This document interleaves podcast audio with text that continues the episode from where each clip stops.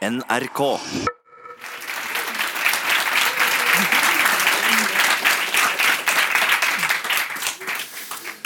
Tusen takk, alle sammen, og velkommen til eh, Sosiologisalongen her på eh, Litteraturhuset i Bergen.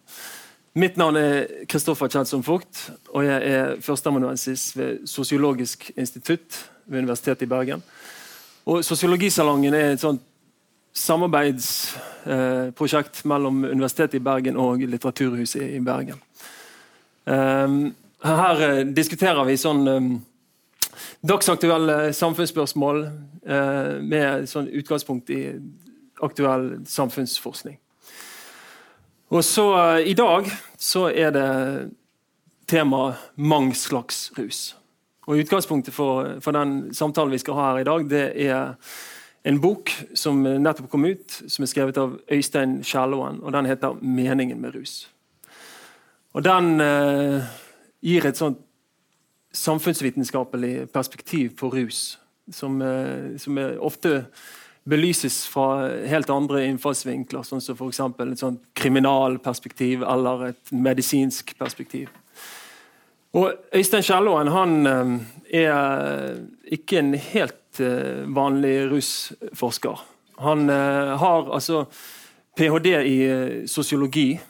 og Da hadde han altså skrevet en, en doktorgrad om menn som drakk morgenpils eh, på pub. Så det eller hans doktorgradsarbeid, så det skal vi snakke litt om her. Men i tillegg til å skrive den eh, doktorgraden, så har han også jobbet som rusforsker i ni år. Og så har han jobbet på sprøyterom, og så har han eh, spilt i et band. Et av Norges eh, mest anerkjente band som heter Real Ones. Eh. Og så um, bruker han også i boken veldig mye sånn, uh, erfaringer fra, fra, venner og, og kjente. Og sånn. Og det er litt sånn en bok hvor liksom, Det er ikke en ren sånn forskningsbok, det er en sånn eh, bok som liksom bruker litt sånn skjønnlitterære grep også. Så det er litt uvanlig bok for en forsker å skrive på den måten.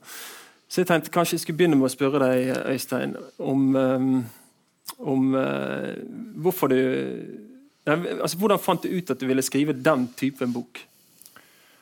Um, det er et godt uh, spørsmål. Jeg, uh, noe av det kom altså Boken ble jo til litt underveis, sånn som man ble. Men ideen i utgangspunktet var jo å skrive noe som gikk litt utover den måten jeg var vant til å skrive på, med sånne akademiske artikler og sånt, som som er på en måte sin egen sjanger, og som på mange måter har litt faste ja, de har faste rammer. da.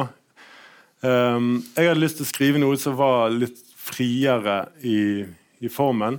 Så dette jo ikke, blir jo ikke karakterisert som en sånn fagbok eller i den, altså en akademisk bok i den forstand. Det er jo det som heter allmenn sakprosa. Går liksom denne boken inn under da. Og det som, det som var fint med det, var jo nettopp at Jeg fant jo ut at jeg Da jobbet jeg også med en redaktør da, som ikke har noen sånn fagbakgrunn. Hennes fag er hvordan skrive en bra bok. da.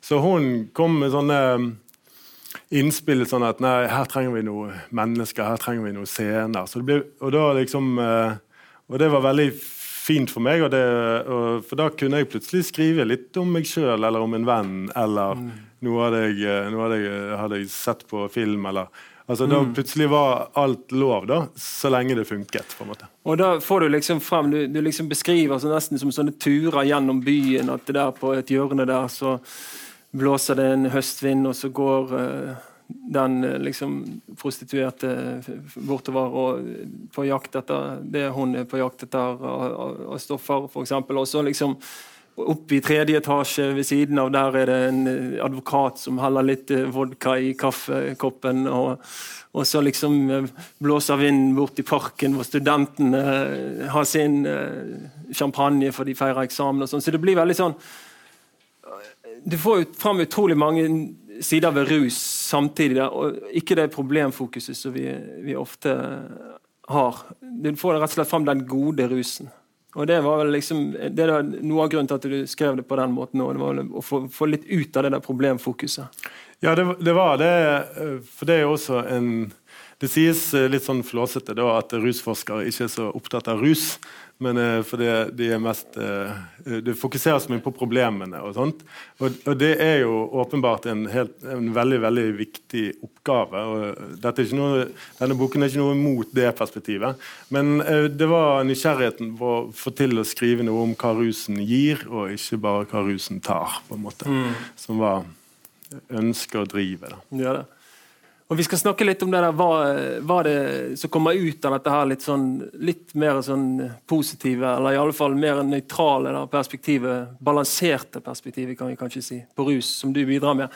Men først må vi eh, få, få høre litt fra vår andre gjest her i dag. og Det er altså Kari Lossius, som er spesialist i klinisk psykologi. Og hun er en eh, respektert eh, fagperson på rusområdet og har vært fagdirektør ved Bergensklinikkene i lang tid og jobbet ved Bergensklinikkene i 25 år.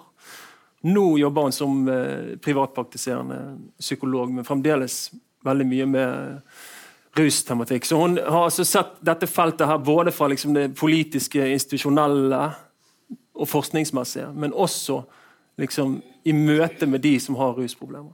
Så det jeg gjerne vil spørre deg om, eh, Kari, er Når du lukket siste side i, denne boken, her, hva, hva tenkte du da?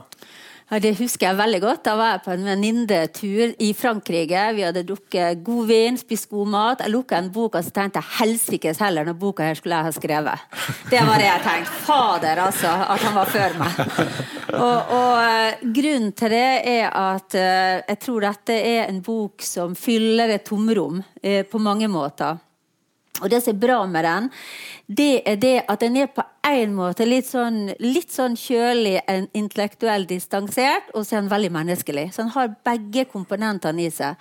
Og så er han skikkelig og ryddig på skadevirkninger, virkninger. Er det, hvor er rusene hen i alle eh, elementer i samfunnet? Og det gjør den boka at den er vanskelig å skulle liksom eh, fordømme og si nei, dette tar jeg ikke stilling til. Og feltet mitt har jo vært et felt med masse moralisme mm. eh, og masse strenge krav til folk. Det er ikke lenge, veldig lenge siden før rusavhengige skulle ha på med salmesang og hardt arbeid. Og det var det som gjaldt. Mm. Sånn at det er noe med et, enda et steg til i en nyansering på hva rus er. Så denne boka var mm. ja, Så jeg tenkte at den skulle jeg egentlig ha skrevet, altså, men jeg er for seint ut. Rett og slett. Ja.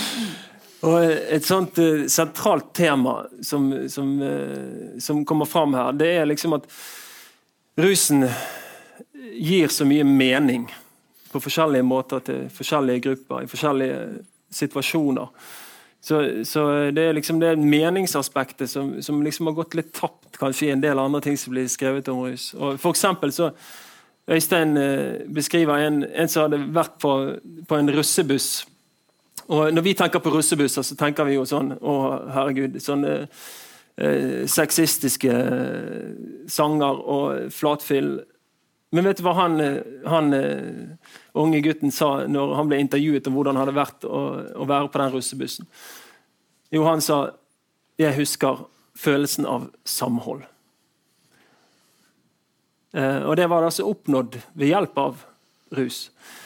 Og dette med samhold det er, det er jo et sentralt tema i det, liksom, ditt eget feltarbeid, Øystein. Mm. Eh, og eh, det, det med disse mennene som sitter på pub og drikker morgenpils og jeg vet ikke om du kunne fortelle litt om det. for det, det, Du har noen sånne interessante beskrivelser. av Første dagene du var der, så ble du slått av at ingen sa noen ting. Mm.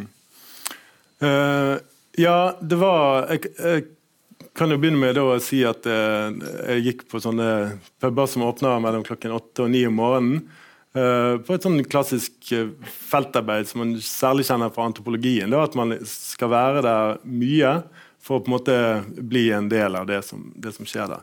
Så jeg hang ganske mye på, på disse pubene. da. Og I begynnelsen så var jeg sjøl eh, litt sånn sjenert og usikker, og jeg syns egentlig det var litt vanskelig å, å få til ordentlig feltarbeid med preiking med folk og sånn. Eh, og satt mye for meg sjøl. Men så ble jeg jo også oppmerksom på at jeg, jeg var ikke den eneste som satt der alene. da. det var ganske mange som kom ut på gikk ut på pub, kom alene, satt alene og gikk alene noen øl seinere. Um, det var også mye vanlig sosialt samvær. da. Noen, det som man gjerne tenker på med sånne brune puber, er jo at det er sånne stamgjester sitter på den samme stolen uh, året rundt. Og Den biten var der også, og det var også det at noen gikk og kom i preik med liksom tilfeldig. Men det som, um, det som jeg tenkte på var mest interessant form for fellesskap, da, det var på en måte den, den uh, aleneformen for fellesskap. Og Grunnen til at vi kan snakke om fellesskap i den sammenhengen når folk sitter for seg sjøl, det har litt med rammen for det hele å gjøre. da, at disse menneskene går jo ut og gjør noe som eh, ikke akkurat er akseptert. Altså, det er ganske avvikende ting de holder på med. da. Men når de kan komme inn og bare Det er en veldig sånn sterk symbolsk ramme rundt den, den morgenpuben. Men når de kan komme inn, når de har et sånt sted, så kan du på en måte, da kan du sitte der og så kan du identifisere det litt med den andre som sitter der, selv om du ikke kjenner han. Altså du, du, kommer inn i et rom der du på en måte er en av de andre. Mm. En av de som er der. Mm. Så, så, på den måten så Man kan si at det er sånn subtilt og smått det som skjer, men det er veldig vesentlig. For mm. bare det å ha et sånt sted å være blant andre som du kan identifisere deg med, er liksom forskjell på ensomhet og fellesskap. Mm. Det det. Jeg, jeg, tror at uh, Hvis du sammenligner det med en del andre ting, sånn at de såkalte åpne russcenene så tror jeg de har noe av den samme funksjonen. Og Det var det en ikke skjønte f.eks. i Bergen, når de stengte Nygårdsparken. For da var det en sånn greie på at en skulle få ut den elendigheten. Men hvis du hadde spurt de rusavhengige, de som var i Nygårdsparken, så Lisa at det var mye mye mer. Det var nettopp det du beskrev. Samholdet, det å møte noen, det å være der, det å ikke være alene. Så, så jeg tror nesten i alle lag eh, så vil du finne eh, miljøer der rusen er på en måte et symbol, og så er det så mye mye mer under der. Mm. Så jeg tror det var en av de feilene en gjorde når en ikke skjønte hva som skjedde når en f.eks. stengte Nygårdsparken. Det er det. Sånn som du skriver i boken, altså det, det er det liksom dreier seg mye om å møte en stabil gruppe med kjente ansikter. Og du skriver også en av de, en av de typene du, du, du, du, har intervjuet. han du skriver om han, nei, han sier om seg selv at når du er en sånn enslig mann på min alder, og du ikke har familie, da, da kan du kjenne deg ganske betydningsløs.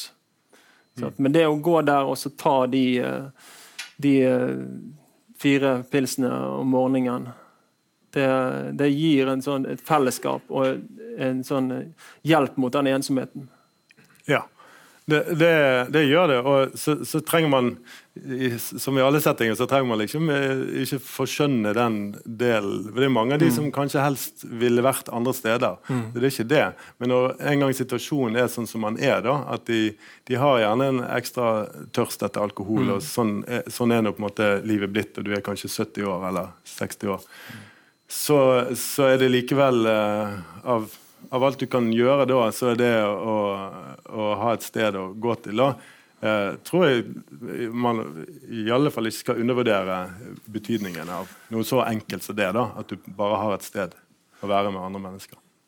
Så, du skriver veldig mye om, eh, om, sånne kulturelle forventninger og på en måte normer da, som er, gjør seg gyldig når folk møtes for å uh, oppleve rus sammen. Eller mm. at sagt på en annen måte, at rusen hjelper de til å oppleve noe sammen. Eh, og Da er det f.eks. en interessant ting eh, når det gjelder eh, alkohol. Altså, de, det var en, eh, en sånn slags regel eh, som gjaldt der på den puben om at en god alkoholiker drikker seg full. Mm. Det var overraskende for mange, kanskje.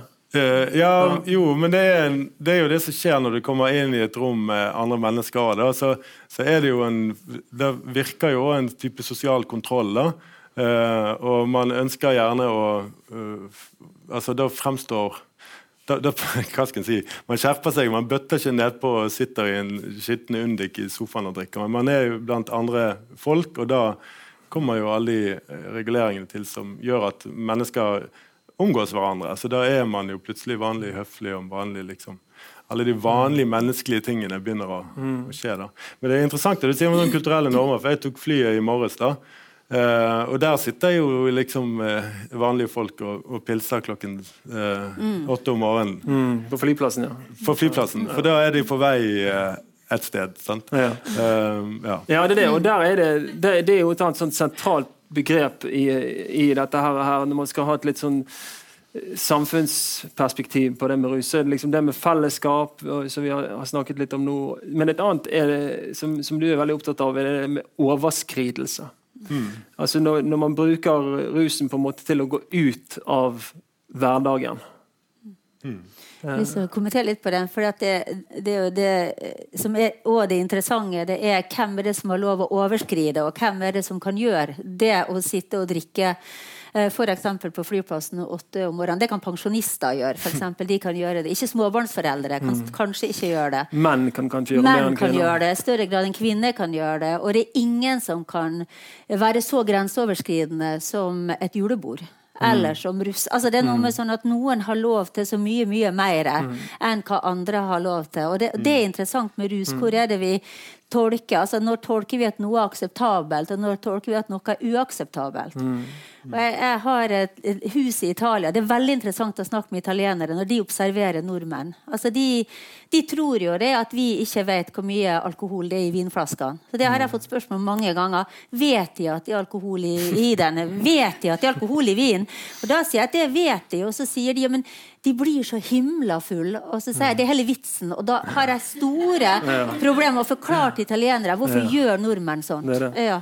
Så vi har, vi har en interessant drikkekultur i Norge mm. som går på alkohol, men bare på alkohol. Mm. Det er det. Og du beskriver jo sant, hvordan det kan være altså de kulturelle forventningene. Altså det kan være liksom innafor å på en måte være så full uh, her i, i, sentrum av en uh, by. liksom Midt på natten så kan du nærmest være så full at du må krype og spy og alt mulig. ikke sant? Men, men det hadde ikke vært greit midt på dagen, og det hadde ikke vært greit i veldig mange andre land osv. Så, videre. så det skriver de jo ganske mye om. Ja, det er jo uh, altså, uh, Rus har med hjerne og psykologi og alt miljø å gjøre, og så har det nettopp med de sosiale og kulturelle omgivelsene, da, som er svært viktig for, uh, for hvordan, hvordan, folk håndterer rus. Jeg synes det er litt Jeg kom bare til å tenke på det når nordmenn drikker seg fulle. Det er jo velkjent, da. Men i arbeidet med boken, og noe av det skriver jeg også der, så, så det som er interessant, er jo at rus er jo like gammel som uh, menneskeheten. på en måte. Da. Det er et viktig perspektiv med det, at rusen har, alltid, rusen har alltid vært der. Når mennesker har funnet substanser som gir rus, har de tatt det inn i, i sin kultur og tilværelsen. Og Da kom det overraskende på meg at egypterne for uh, 3000-4000 år siden de hadde noe som het The Festival of Drunkenness. Som fint over satt er rett og slett fyllefestivaler. Og, og, og, de beretningene derfra er jo Det, det blir liksom vår, uh, vårt julebord og vår russefeiring blir som uh, liksom en kirkekaffe. Det er helt sånn der, der, var liksom det bygget på Festen hadde utspring en sånn myte. da, at en, Der en ble så full at han sovnet. og Det var på en måte poenget der òg. Du skulle drikke så mye at det til slutt på en måte kollapset inn i søvnen. Mm. Så det var helt haraballer. Det var liksom orgier og det var, altså det var helt sånn galskap. da. De har liksom utvikla seg litt, søreuropeerne. Vi, vi liker dette på en måte. De har kanskje skjønt det noen tusen år før oss. Ja. Det, det, en ting er jo på en måte kontraster i, i sted, sant? men sånn som du er inne på, så er liksom det meningsuniverset som er knyttet til rusbruk, det endrer seg også historisk. Og ikke bare sånn på veldig lang sikt, sant, fra, fra egypterne og fram, men liksom i løpet av bare noen ganske få år. Og for ikke å snakke om få tiår, så kan det forandre seg ganske mye. Du beskriver f.eks. hvordan på, på 60-tallet så ble liksom eh, I en film, kjent film med Lillebjørn Nilsen så ble liksom marihuana-bruk fremstilt som liksom veien til undergangen. Mens i Skam, den serien for eh, ganske nylig på NRK, sant? der er det mer sånn Bruker de marihuana på en annen måte? Det Meningsuniverset knyttet til det rusmiddelet har liksom endret seg egentlig ganske fort. Mm. Ja, med, med Mariana har jo det skjedd, ja. Nå er vi jo uh, litt forbi det stadiet der at man, uh, hvis du har røykt hasj, så er det neste skritt at du ligger der med sprøyten i armen. Så det, det bildet der og det narrativet der, da, er vi, det er ikke helt borte, men uh, det andre narrativet gjelder litt sterkere. da. som, jo er, som jo er bra. Men det, det har noen vil jo si at det har skjedd altfor treigt, den prosessen. Da, fordi at den skremselspropagandaen har på en måte vært uheldig på mange vis. Da. Men, men likevel, eh, det, likevel et relativt kort liksom, Hvis man ser sånn lengre historisk på det, så er det egentlig et kort, eh, kort tidsrom. Mm. Men hvis du ser på alkohol og sånn, så Sånn at vi driver nå og drikker eh, litt sånn vin til maten til, i, i, hverdagen. og Nå har alkohol har på en måte sklidd ut i samfunnet mye mer enn for uh, ja, ja, bare liksom noen, en del tiår tilbake. Men i alle fall, hvis vi skal tilbake til liksom, begynnelsen av 1900-tallet, sånn, så var det jo mm. liksom helt andre. Mm. Det er det. Mm. Og, altså, det her uh, det her med, med, Hvis vi nå begynner å bevege oss inn mot de sidene av alkohol og andre rusmidler som er problematiske. Altså Nå har vi på en måte snakket om litt sånn meningsaspektet. At det gir jo mening til mange flere enn de som vi assosierer med rusmidler. Som du skriver et sted i boken, ja, de aller fleste opplevelser med rus forløper helt uten problemer. Men så er det jo da noen som ikke gjør det. Og det er jo der det kommer inn dette begrepet narkotika, som har vært veldig viktig der. Og du, du, du eh, skriver jo eh, Du, du mener at det, liksom, det, begrepet narkotika at det på en måte er altfor stort. Det, det, favner for mye. Det er på en måte en, det du kan si en meningsløst heterogen eh, kategori. Eh, hva, mener du, hva mener du med det? At det favner for mye?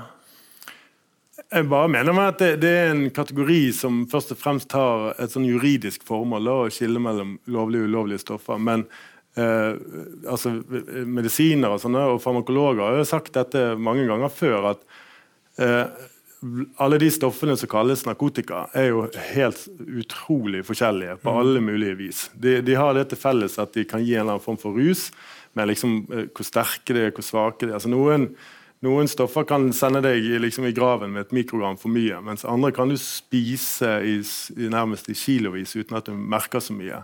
Uh, noen er avhengighetsskapende ganske raskt, noen er ikke det i det hele tatt. Det er liksom, uh, de er altså så ulike uh, at de gir ingen annen mening enn, enn det juridiske formålet. Da. Ja, det er det. Men de er da samlet Narkotika, det er straffbart. Mm. Det er det som er grunnen til at de er samlet igjen. Og det er jo pga. en idé om at de kan forvolde skade. Sant?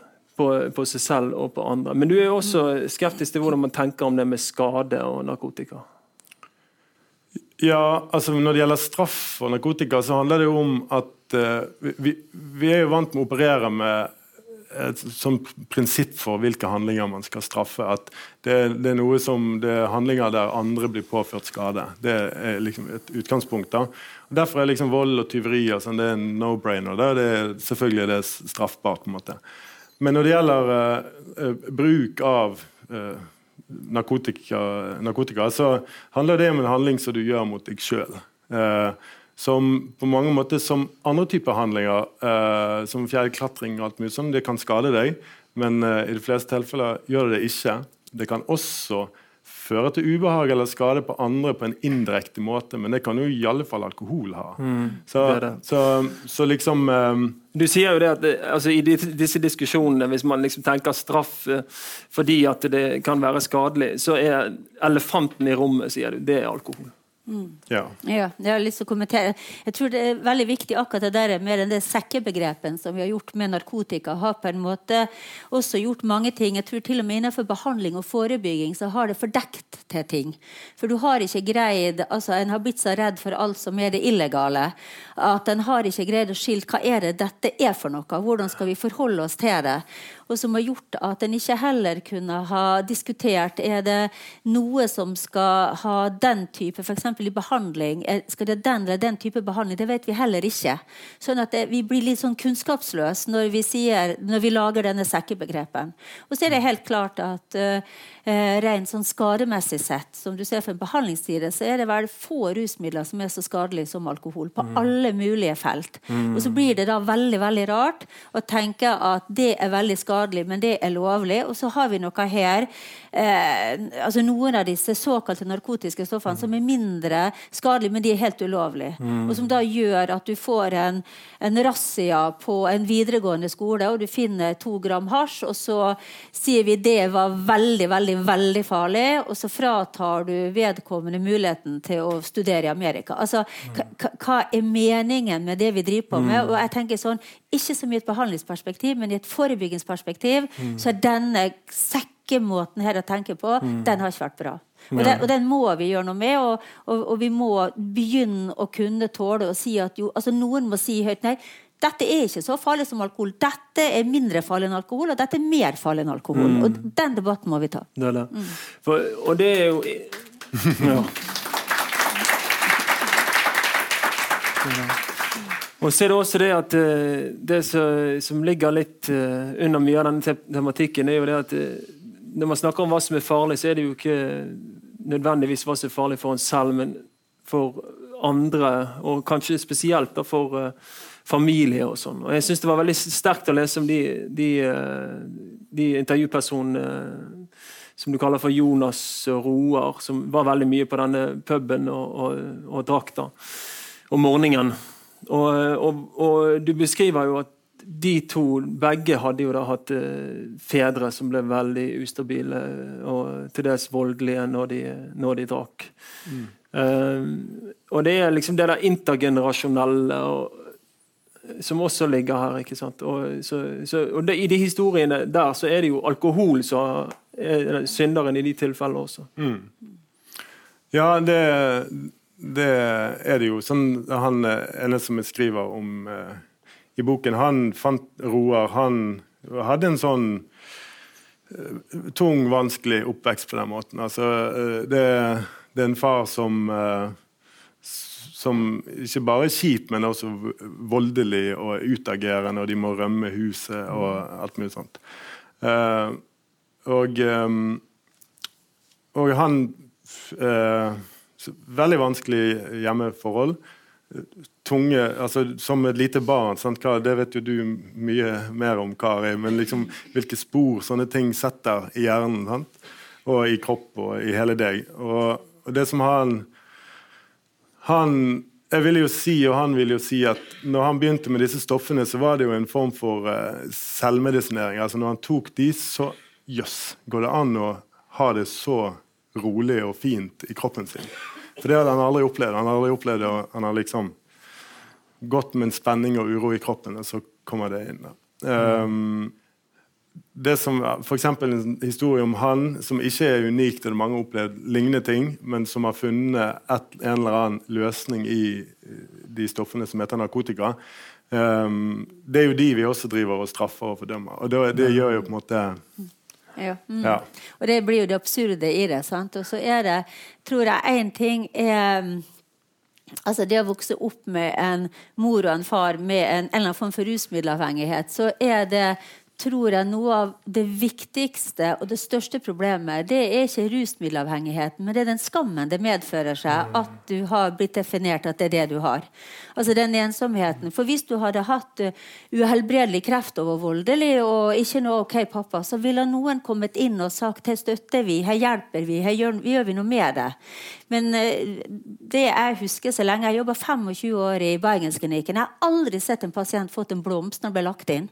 Altså Det var ingen som sa 'endelig, der er redo, nå får du mm. hjelp'. Altså, så det er, vi, vi må, vi må eh, avskamme det å skulle ha et rusproblem. For det at det er, og det er det doble. sant? Det utrolig stilige og sexy å drikke champagne på, på vorspielet, og så er det det ekstremt sånn forkastelige hvis du blir en rusavhengig. Og det, det splitten der eh, gjør det veldig vanskelig for disse ungene. Og Jeg har møtt haugevis av dem, og det er den ensomheten som går på at om noen visste, så ville en i hvert fall ikke si noe, for det var så skamfullt. Mm. Så, så, vi må få andre holdninger til rus, og vi må få andre holdninger til rusmiddelavhengige. Mm.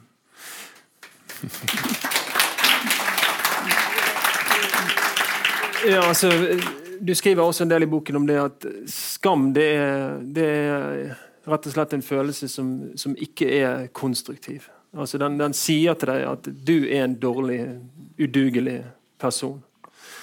Eh, og da er det jo også noe av grunnen Da er vi tilbake igjen til det med hvorfor hvorfor eh, man oppsøker liksom rus i forskjellige typer fellesskap. Altså, det som du sier med det der morgenpils Eh, fellesskapet. er Litt det samme som du snakket om med, med Åpne russcener, Parken. Altså, at du kan gå et sted hvor du ikke blir dømt. Sant? Et ikke-dømmende fellesskap. Og at det er en befrielse. Det er klart det. Prøv å gå til en dømmende eh, forsamling hver eneste dag. Det, det går jo ikke. Du er jo nødt til å, å finne de, de, fellesskapene hvor du blir akseptert for den du er, så klart. Det er, det. Det, det er jo det store problemet. Hvis du, har, hvis du, skulle ha et rusproblem, så er det jo ikke eh, altså Det er jo ensomheten. Det, er jo, det, skriver du om i boka, og den der The Rat Park. altså Hvor viktig altså eh, Rusmiddelavhengige f.eks. dør 10-15 år før alle andre. Sannsynligvis ikke av rusmidler, men av ensomheten. altså Det å være på utsida av samfunnet, og det å være alene. Mm. Og, og den hjerneforskninga altså er rus, er det, Handler det om hjerne eller handler det om noe annet? Mm. Og Da var det jo en forsker som hadde sett liksom på når du isolerer rotter og du gir dem alkohol, ja, så blir de alkoholavhengige. Men det er jo ingen rotter som liker å være alene. Så når du lager en rat park, altså gøy sånn plass der rotter får herje rundt og ha sex med andre rotter, og leke og ha det gøy, så velger de å være edru. Altså det er, og det er kjempeviktig. Altså rus, eh, jeg har ikke møtt en eneste rusmiddelavhengig som sa liksom at prosjektet mitt var for skrumplever. Mm. Eller det var det jeg ønska, det var å spy på naboen. Altså Det er som du beskriver det. Der, det, det, det, var en måte å lindre noe på. De som fikk en avhengighet, sa det liksom som 14 år røyka hasj for første gang, og da skjønte jeg at nå er jeg ganske normal. Mm. Så det er, det er et fellesskap og det er et sosialt ansvar som er langt utover det. altså Det at vi fordømmer rusmiddelavhengige, er det verste vi kan gjøre. Det å mm. inkludere eh, er det beste vi kan gjøre. Og, og, jeg synes det Eksempelet fra boka di er veldig veldig godt. altså. Og det, mm. det skulle vært obligatorisk lesing eh, for alle som jobber med rus, og alle som mm. jobber med forebygging. En del, ja. En del sånn avhengighetsforskning har jo hatt et veldig sånn medisinsk og naturvitenskapelig utgangspunkt. Sant? Og En del av den med utgangspunkt i rotter. Men som du skriver, så er det liksom noen viktige forskjeller på oss og rotter når det gjelder det med rus. Og det er at vi mennesker, For oss er det helt avgjørende hvordan omverdenen oppfatter oss. Mm. Ja. Det er det jo. For rotter så spiller ikke det like stor rolle. De har ikke, de har ikke liksom den refleksive kapasiteten som, som kjennetegner menneskene. Så, så, da spiller det mindre rolle. Ja. Det det.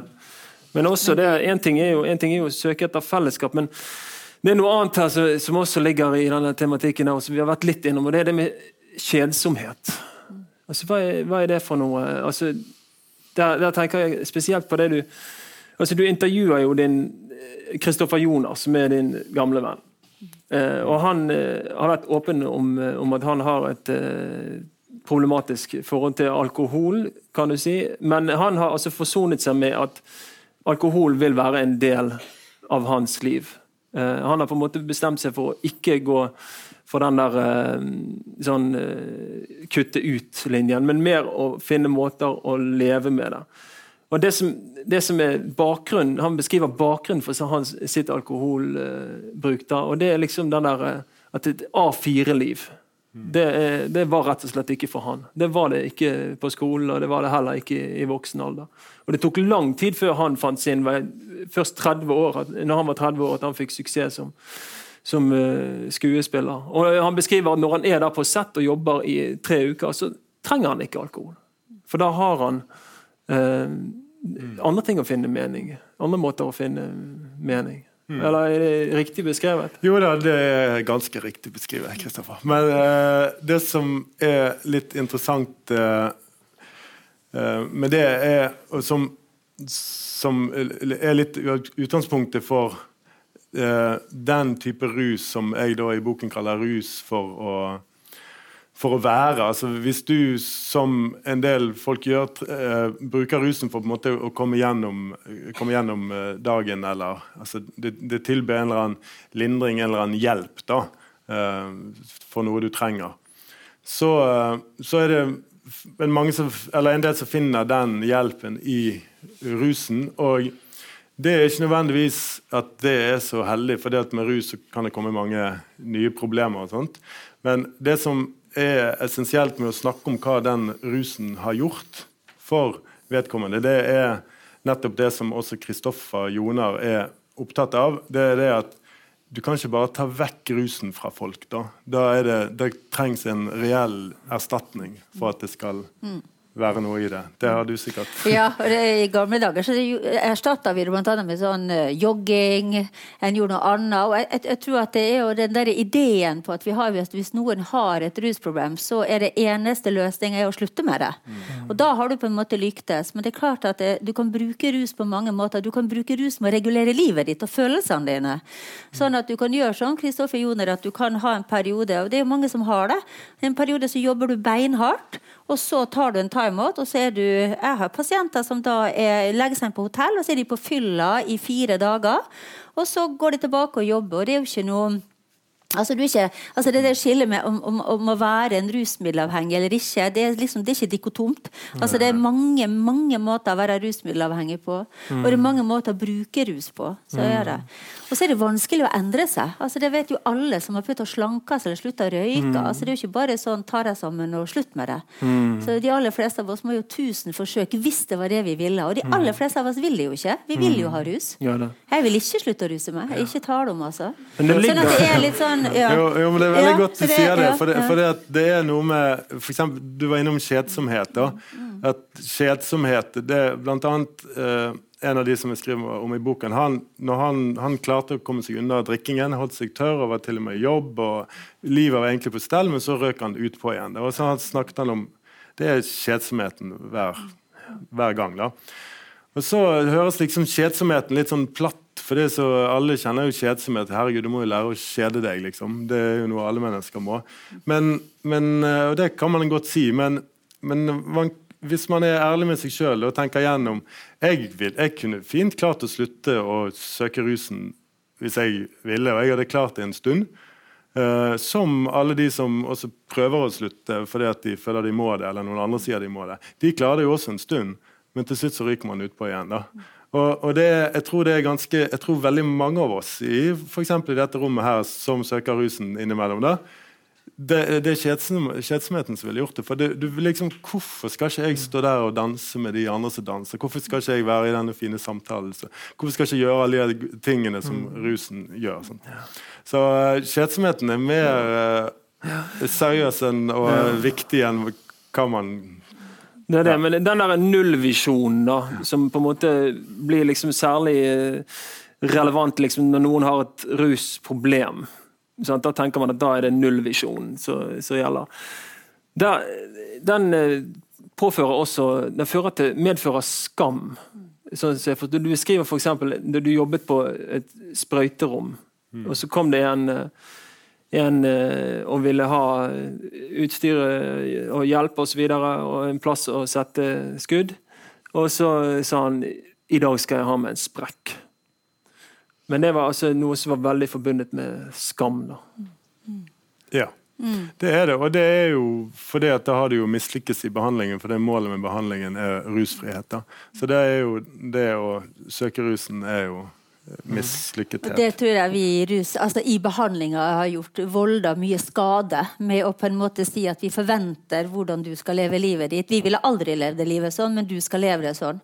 Og Det er jo ganske, altså det en må passe seg for hvis du er behandler og kommer på andre sida og blir pasient. For idet du blir definert som en med et problem, så er det slutt på all moroa. Altså, da skal du være ædru, og du skal spise kli, og du skal leve sunt resten av livet. Men det er bare hvis du er på den sida. Men hvis du er på min side, så kan du jo katta hva du vil. Og, og, det går helt greit. Sånn at det er, og, og det er òg den der litt sånn rare vi har, at vi skiller mellom vi og de. Mm. Det er som om det er to forskjellige grupper. Det er jo vi. Mm. Sånn at uh, Jeg bruker å si at eh, hvis du, hvis du, tenker at du driver med god behandling, så skal du kunne motta den sjøl. Mm. Og den dagen du ikke er villig til å motta din egen behandling, så er det ikke sikkert pasienter skal ha han heller. Mm. Og da er det noe med et, et, behandlingsapparat som ofte forlanger mye mer av pasienter enn det vi gjør av oss sjøl. Mm. Jeg husker aller best, jeg hadde ikke med rus, men jeg jobba en gang med psykisk utviklingshemma. Og det var helt fantastisk. Vi laga vaskeliste til de når de flytta ut i leilighet. De skulle vaske kjøkkengulvet hver dag. De skulle støvtørke gardiner hver tredje måned. Skifte på senga en gang i uka. Og så sto vi og så på det, så sa vi gjør vi dette? Ingen av oss hadde gjort det. Men de med Downs syndrom skulle gjøre det. Og det er litt den der hjelpeapparatet som tror at de vet hva folk trenger. Og, det, mm. og, og, og Derfor så må vi begynne å sånn tenke mm. Sette oss sjøl inn i den posisjonen, altså. Mm. Fordi at det er, det er interessant hva, hva, vi tenker at folk skal kunne gjøre, og hva vi ikke ville gjort sjøl. Men så er det jo samtidig viktig å, å ha med seg det at det, det er ikke alle som, som klarer denne kombinasjonen. Sant? For noen så er det rette å bare kutte helt ut. Absolutt. Ja, ja absolutt. Og skal få, en skal få hjelp til det. Det er ikke det det går på. Men det betyr ikke at om du da får et tilbakefall, så betyr det at du har mislyktes. At du ikke fikk det til, at ikke du ville nok. At ikke du, du, du satsa nok. Men at det er, det er, en del. De aller fleste av oss får tilbakefall når vi endrer oss, for det er så vanskelig å forandre seg. Mm. Å ha med det inn i Det var jo en stor diskusjon sant, på hva, hvordan, hvordan ivaretar man mennesker som får tilbakefall. Altså, Skal de straffes, eller skal de bli ivaretatt? Hva gjør vi med dem? Mm. Så det er, en, det er en grådig viktig debatt. Det er det. Og så har du noe annet som er veldig sånn i kjernen av liksom samfunnsvitenskapene her. Sant? For det er liksom Vi snakker om en sånn problemdefinering av en, en eh, en gruppe mennesker. Sant? De som liksom har et rusproblem, de som blir definert av å ha et rusproblem. Spesielt også de som bruker det, den store sekkebetegnelsen narkotika. Og Der eh, syns jeg det er veldig sterkt på, på, slutten av denne boken, eh, Øystein. Så, så, bruker du liksom en parallell til det integreringsprosjektet som heter Fargespill. Ja. Og der, eh, der, er det liksom Du sier at den filosofien som, som de som har utviklet det, Ole Hamre og Sissel har, at kanskje man har noe å lære i, i, med å overføre noe av det til rus behandling og rustenkning. Sant? For det handler om å ikke se på folk som problemer, men å se etter ressursene. Sant? Hva er det de har? Mm. Det er, er veldig fast. Jeg fikk være med med det bandet jeg spiller i Reloans, og så var jeg med fargespill, som de eh, påpasselig med på en måte ikke definerer som et integreringsprosjekt. Det er et kunstprosjekt. da, og Det er noe av hele poenget. de de, en, for de som ikke kjenner Fargespill, så er det en sånn fantastisk uh, musikk- og dansegruppe som, uh, som lager forestillinger i Bergen hvert eneste år. Det er også noe i noen andre byer. De kommer fra hele verden. alle de, Det er barn fra 7 til 20 år eller noe sånt. Og de, de, de, er liksom helt fantastiske. Kommer fra alle mulige steder. Noen er helt vanlig integrert i vanlig liv. En del sliter også med forskjellige ting. Blant annet kan de kanskje ikke norsk, de kan være fattige. De, mye ting. Men eh, disse Ole Hammer og Sissel Saue som styrer det her, de er kunstnerisk ansvarlige. De, det er det, de er opptatt av det, de er ikke sosialarbeidere. For når de er kunstnerisk ansvarlige, så spør de da hva, hva kan du, liksom? Hva, hva, er det du kan? Hva kan du hjelpe oss med her, liksom? Og, da, og, da, og de spør ikke om de trenger penger eller norskopplæring, eller noe sånt, men de, de spør hva de har. Og da får jo mennesker, eller for disse unge menneskene lov til å nettopp blomstre og vise seg sjøl for noe de er, så noe de kan. Og da er De snakker ikke om problemer der, de snakker om hva de kan. Mm. Det tror jeg for mange områder, og også i rus, er det det ligger noe veldig grunnleggende ekstremt. Potent og viktig mm. der. Da. Ja, det å, se, det å, se, ressurser, og ikke minst også, tror jeg, som den senere tida har vært, som har vært en stor styrke i rusfeltet, og som jeg tror kommer til å drive feltet fremover, det er jo brukerorganisasjoner som ikke finner seg i nødvendigvis den måten vi sier at de skal tenke og jobbe, og, og, og hvordan en skal ha behandling. Sånn at det er mm. noen som på en måte har noen andre røster inn og mm. kommer med en del ressurser som, som ja, ikke var kjent for oss behandlere. behandlere. Eh, og, og, Parallelt med den boka di så kom det jo også en bok fra Anne Ram som kom der 'Jeg skal passe på deg'. Sant? Mm. Altså En mammas beskrivelse av et møte med et behandlingsapparat. Eh, der eh, en kan se liksom, ressursene i denne jenta som ikke blir tatt vare på fordi at behandlingsapparatet tenker hele veien systemisk feil. Så det, det, er, det er noe med eh, å finne altså, folk har, Men rusmidler det er jo tusen andre ting. Altså, jeg hadde en pappa som var rusmiddelavhengig. Flotteste fyren jeg vet om. Jeg ville aldri ha bytta han ut som pappa. Han var en super pappa. Så han hadde jo mange andre egenskaper han enn bare akkurat det. Mm. Og det å se det er så kjempeviktig. Så, mm. så det, det er nyanseringa, altså. Det, det, det, er ikke en sort-hvitt-gruppe, uh, det her. Det er masse flotte folk som er rusmiddelavhengige, og så er det masse flotte folk som ikke er rusmiddelavhengige også. Altså det, er, det, mm. ja. det, er egentlig ikke så mystisk. Vi sitter jo her nå og snakker med utgangspunkt i Øystein Kjærlån her, som har skrevet boken 'Meningen med rus'.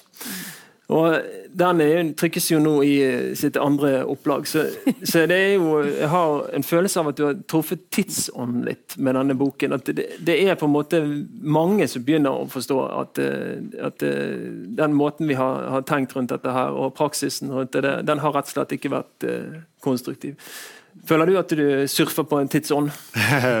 jeg gjør, gjør, kanskje det. og det, Egentlig så det er veldig sånn banalt mye av det jeg skriver i boken, der, som jeg tror det er i hvert fall mange som kommer til å si det til meg, at eh, vi vet jo egentlig dette, men vi har egentlig aldri snakket om det. Eller vi, vi snakker altfor sjeldent om det, eller det står lite om det i en bok. Så, så, liksom, så der eh, har han nok truffet et eller annet da, som gjør at no, eh, noen blir interessert igjen. Og det er jo veldig gledelig, selvfølgelig. Mm.